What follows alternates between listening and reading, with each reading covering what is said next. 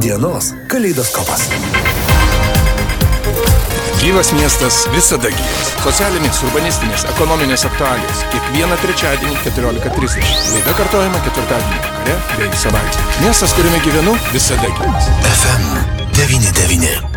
Sveiki, bičiuliai, studijoje prie mikrofono Liudas Armanauskas. Šiandien pakalbėsime apie sveikatą ir lygas. Visuomenės lygas. Vienas iš jų - tai kyšiai. Beveik penktadalis pacientų, 19 procentų, prisipažįsta davę kyšį Lietuvos valstybinėse klinikose ar ligoninėse. Ketvirtadalis, 25 procentai bent kartą pasinaudojo turimais asmeniniais ryšiais. Tai rodo Transparency International Lietuvos skyriaus skelbiami duomenys. Apie tai šiandien pakalbėsime su Transparency International projektų vadovė Ingrida Kalinauskienė. Labadiena, gerbama Ingrida. Sveiki. Ar iš tikrųjų galima pasakyti, jog tai yra tam tikras vėžys, kuris graužia iki dabar mūsų sveikatos apsaugos sistemą, sveikatos įstaigas? Kad tai yra ilgalaikė problema įsisenėjusi, tai tikrai e, mane netgi, e, va ir šiandien su jumis kalbant, apima savotiškas dežavų jausmas, nes e, apie korupciją sveikatos apsaugos sektorių ir konkrečiai kišininkavimą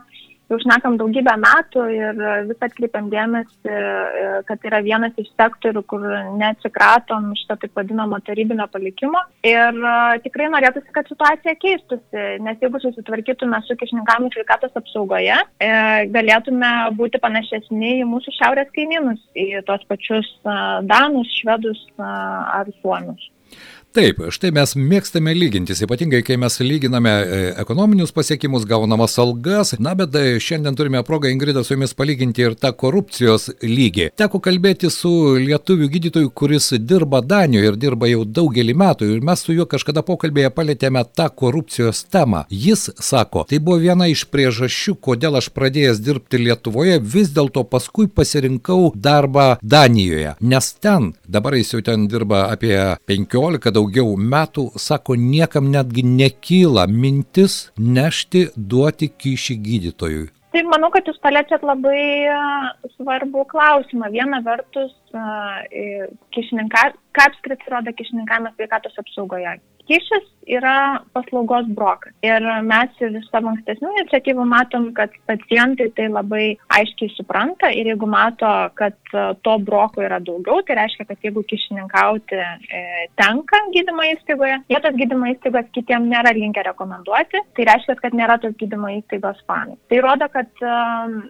tai kišis yra tam, tikra, tam tikras brokas paslaugos, taip pat tai rodo nepasitikėjimą, nes iš paciento pusės tada nesijauti visiškai saugus, kad tu tikrai gausi gerą ir kokybišką paslaugą. Tai čia yra viena pusė. Kita pusė yra tai, apie ką ir jūs kalbate, tai yra gydytojai patys. Yra aišku, kad gydytojų medikų bendruomenė, e, bendruomenė yra didelė dalis medikų, kurie yra sąžiningi ir kurie jaučiasi labai nepatogiai tokiose situacijose ir e, taip pat daug maloniau jų neturėtų. Tai kai kalbame apie kišininkavimą, yra aišku, kad yra daug e, sudedamųjų dalių ir daug veikėjų šitame e, kontekste.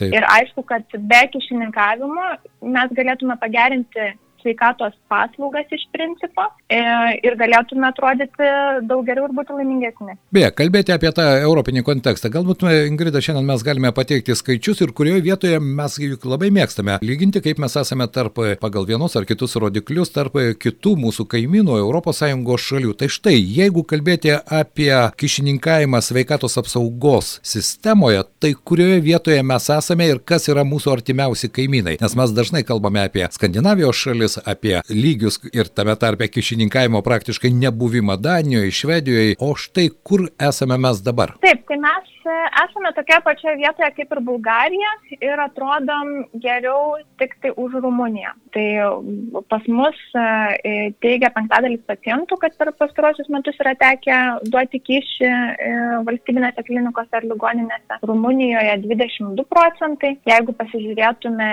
į estus kaimynus, ten taip sako 2 procentai. Pirmauja švedai, ispanai, Niderlandai, Luksemburgas. Yra daug šalių, kur yra tik tai po 1 procentą. ES vidurkis septyni e, ir kaimynai mūsų Latvijai ir Lenkai turi po dešimt. Tai taip ta paletė visų šalių atrodo, jeigu reikėtų apibendrinti, tai iš tikrųjų esam suvestinės gale ir atrodom pagal kišninkavimą sveikatos apsaugoje tikrai gana prastai. Kaip čia estai eilinį kartą mūsų lenkia? Šiaip geras klausimas, e, bet manau, kad nereikėtų e, taip jau labai stebėtis, kad kitos šalis mus lenkia. Aš asmeniškai e, pasigestu reikšmingesnio dėmesio kišininkavimo ir korupcijos klausimui sveikatos apsaugoje, tiek iš sveikatos apsaugos ministerijos, tiek iš gydymo įstaigų. Tai susidaro toks vaizdas, kad tarsi ramiai laukiame, kol bus įgyvendintas tas mitas, kuriuo tarsi tikim, kad pasikeis kartos ir nebebus šitos problemos, e, bet iš tikrųjų jinai yra, jinai niekur nedingo ir labai norėčiau, kad tam būtų skirta daugiau dėmesio ir būtų noras tai spręsti. Gerbama Ingrida, ne vieną kartą teko kalbėti su ne vienos įstaigos, sveikatos apsaugos įstaigos vadovų ir paklausti tiesiai šviesiai, ar jūs žinote apie konkrečius kišininkavimo atvejus jūsų įstaigoje. Ir visi dievagojasi, ne, negali būti, tokių atvejų pas mus nėra. Ir kai paklausi tos pačios ligoninės ar kitos gydymo įstaigos pacientų, kurie naudojasi paslaugomis, jie sako, žinoma yra, žinoma tai įvyksta. Tai kas užmerkia akis? Klausimas vertas tūkstančio turbūt.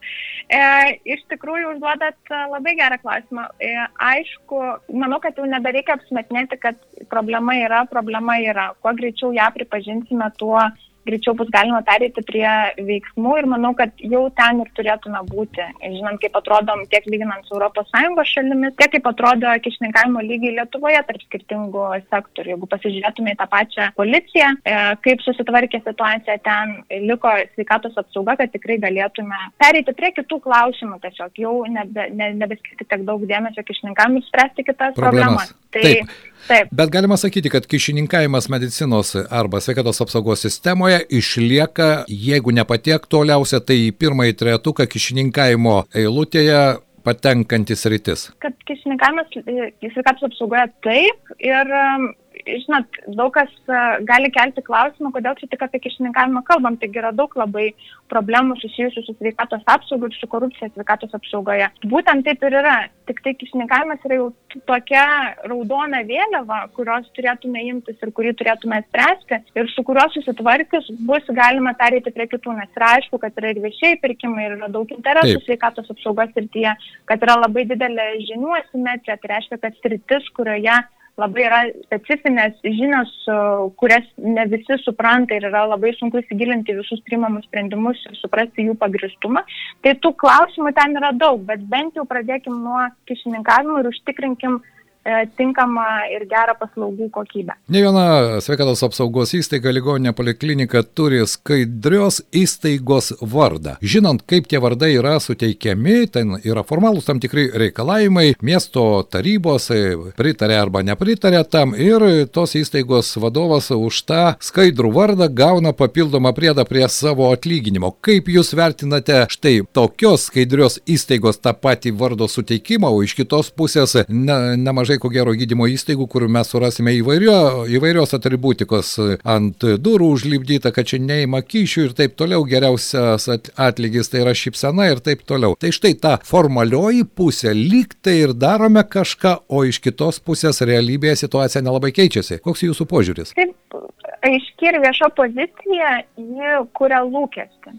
Tai jeigu yra viešai transliuojama, kad esam skaidri įstaiga, kad čia neįmama kyšių, e, kad užtikrinama paslaugų kokybė ir taip toliau, bet tai netitinka praktikos, tai kuria labai didelį nepasitikėjimą ir dar netgi didina problemą. Tai e, manau, kad visų pirma turėtų būti aiškiai komunikuojama tai, ką galima išpildyti, kas gali atitikti realybę, nes kitu atveju tiesiog gaunamas priešingas efektas, negu jo tikimasi. Kas liečia skaidros įstaigos vardo suteikimą, aš suprantu, kad galbūt, kai buvo planuota šitą priemonę, e, kiek žinau, prieš penkerius šešerius metus, e, tikriausiai buvo norima, kad gydymo įstaigos turėtų tam tikras tvarkas ir informaciją pasitvirtinusią savo viduje. Tačiau tai yra bazinis dalykas. E, tvarkų turėjimas ir informacijos kelbimas yra toks pirmas žingsnis. Aišku, kad tai yra svarbu, Tačiau čia negalima sustoti. Neužtenka tik tai pasitvirtinti etikos ir elgesio kodeksą.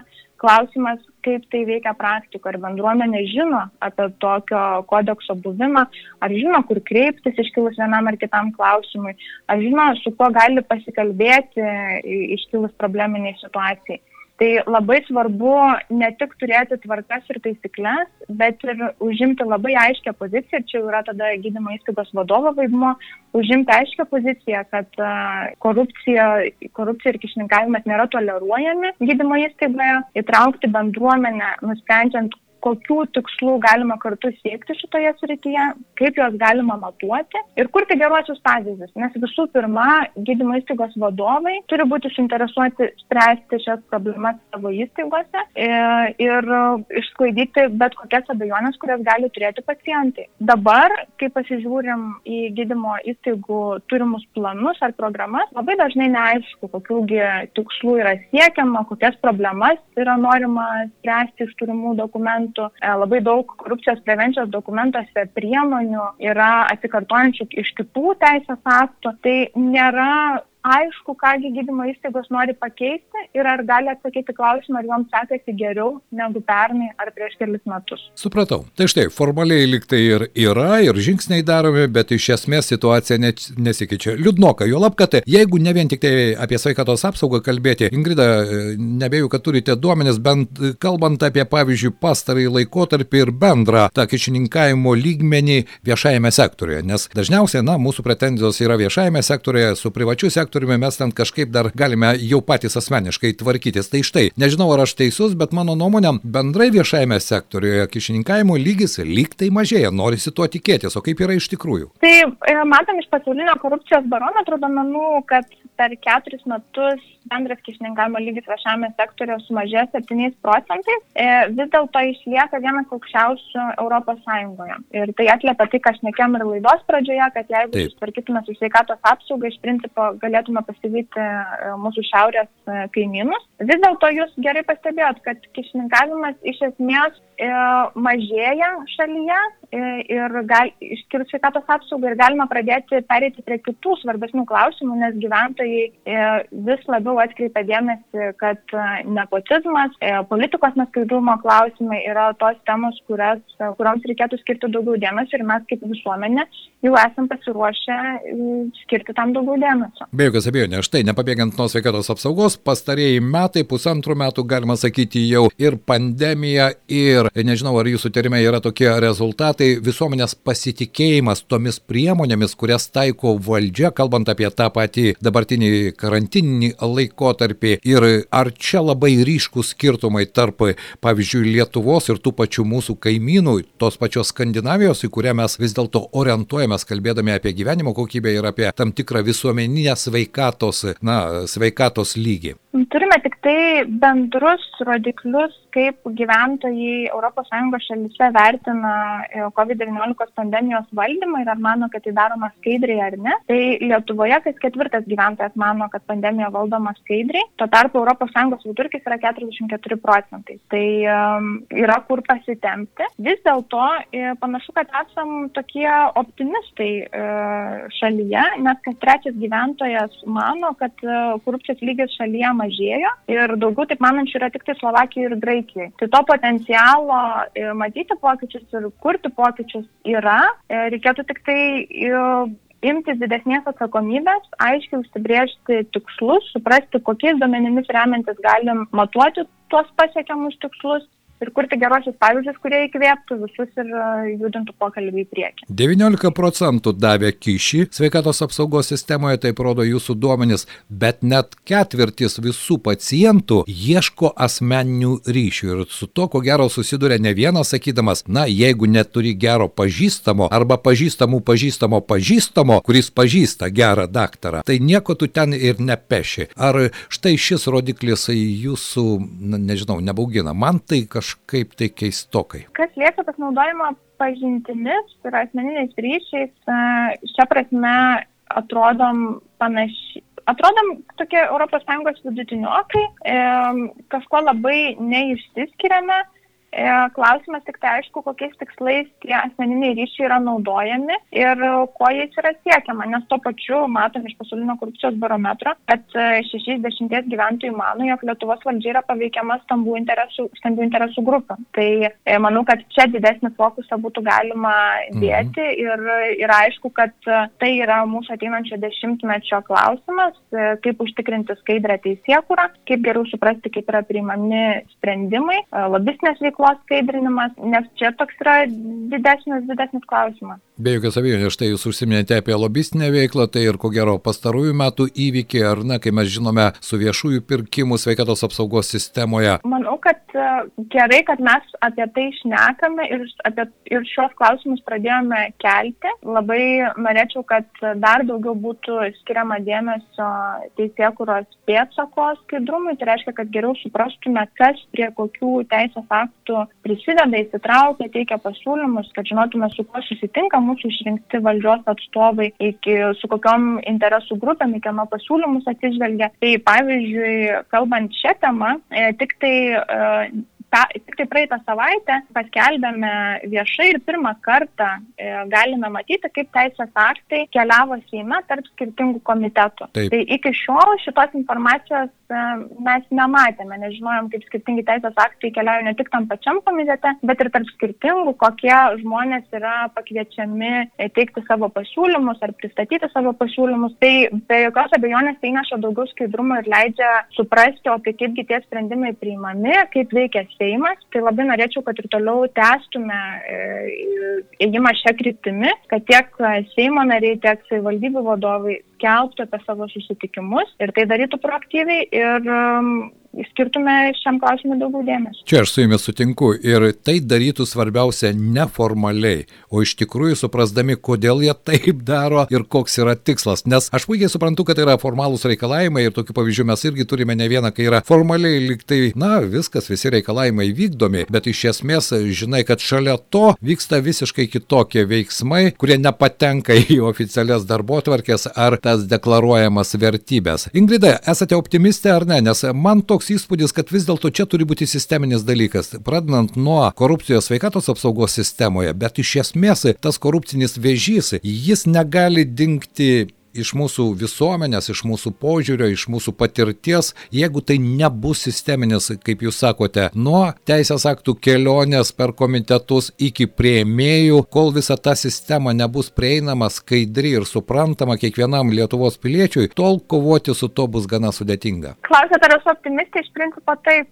Esu optimistė e, ir kai kalbam apie sisteminius dalykus, tai sistema yra žmonės. Tai visų pirma, e, norėtųsi aiškios nuostatos, kad e, norim įspręsti kišininkavimą sveikatos apsaugoje klausimą e, ir prisimti aiškesnę atsakomybę. Tai tiek sveikatos apsaugos ministerijai, tiek gydymo įstaigo, įstaigų vadovam aiškiai deklaruoti, kad norima spręsti šią problemą ir kurti pokytį. E, ir tada siekti konkrečių pamatuojamų ir gyvendinamų tikslų savo aplinkoje nes matome ir iš savo organizacijos veiklos, kad kuriant geruosius pavyzdžius e, yra e, galima įkvėpti bendruomenę pokyčiams, galima įkvėpti kitus pokyčiams ir iš tikrųjų šitai veikia. Tai labai norėčiau tų gerųjų pavyzdžių matyti daugiau. Ar jūsų tyrimas ir tai paskutinis mano klausimas rodo esamą situaciją, ar pacientai, žinantis kišininkavimo atvejus, nebijo apie tai pranešti? Klausimas toks sudėtingesnis, nes dažn...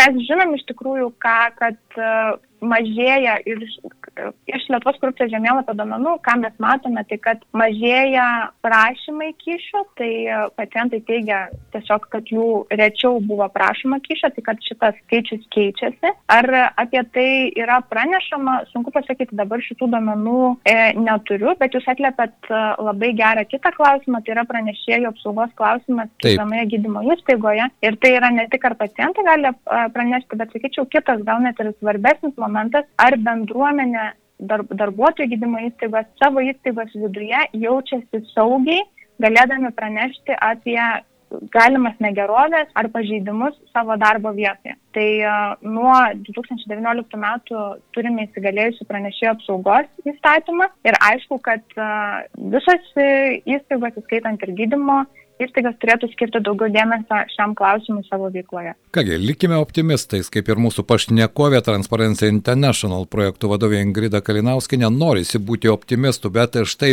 realus gyvenimas dėja į mūsų optimizmą dažnai įneša ir deguto šaukštą. Ingrida, ačiū Jums šiandien už išsamų pokalbį, būkime optimistai ir būkime sveiki. Ačiū Jums. Gyvas miestas visada gyvas. Socialinės, urbanistinės, ekonominės aktualijos laidoje Gyvas miestas. Kiekvieną trečiadienį 14.30 kartuojama ketvirtadienį vakarais bei savaitgaliais. Gyvas miestas visada gyvas.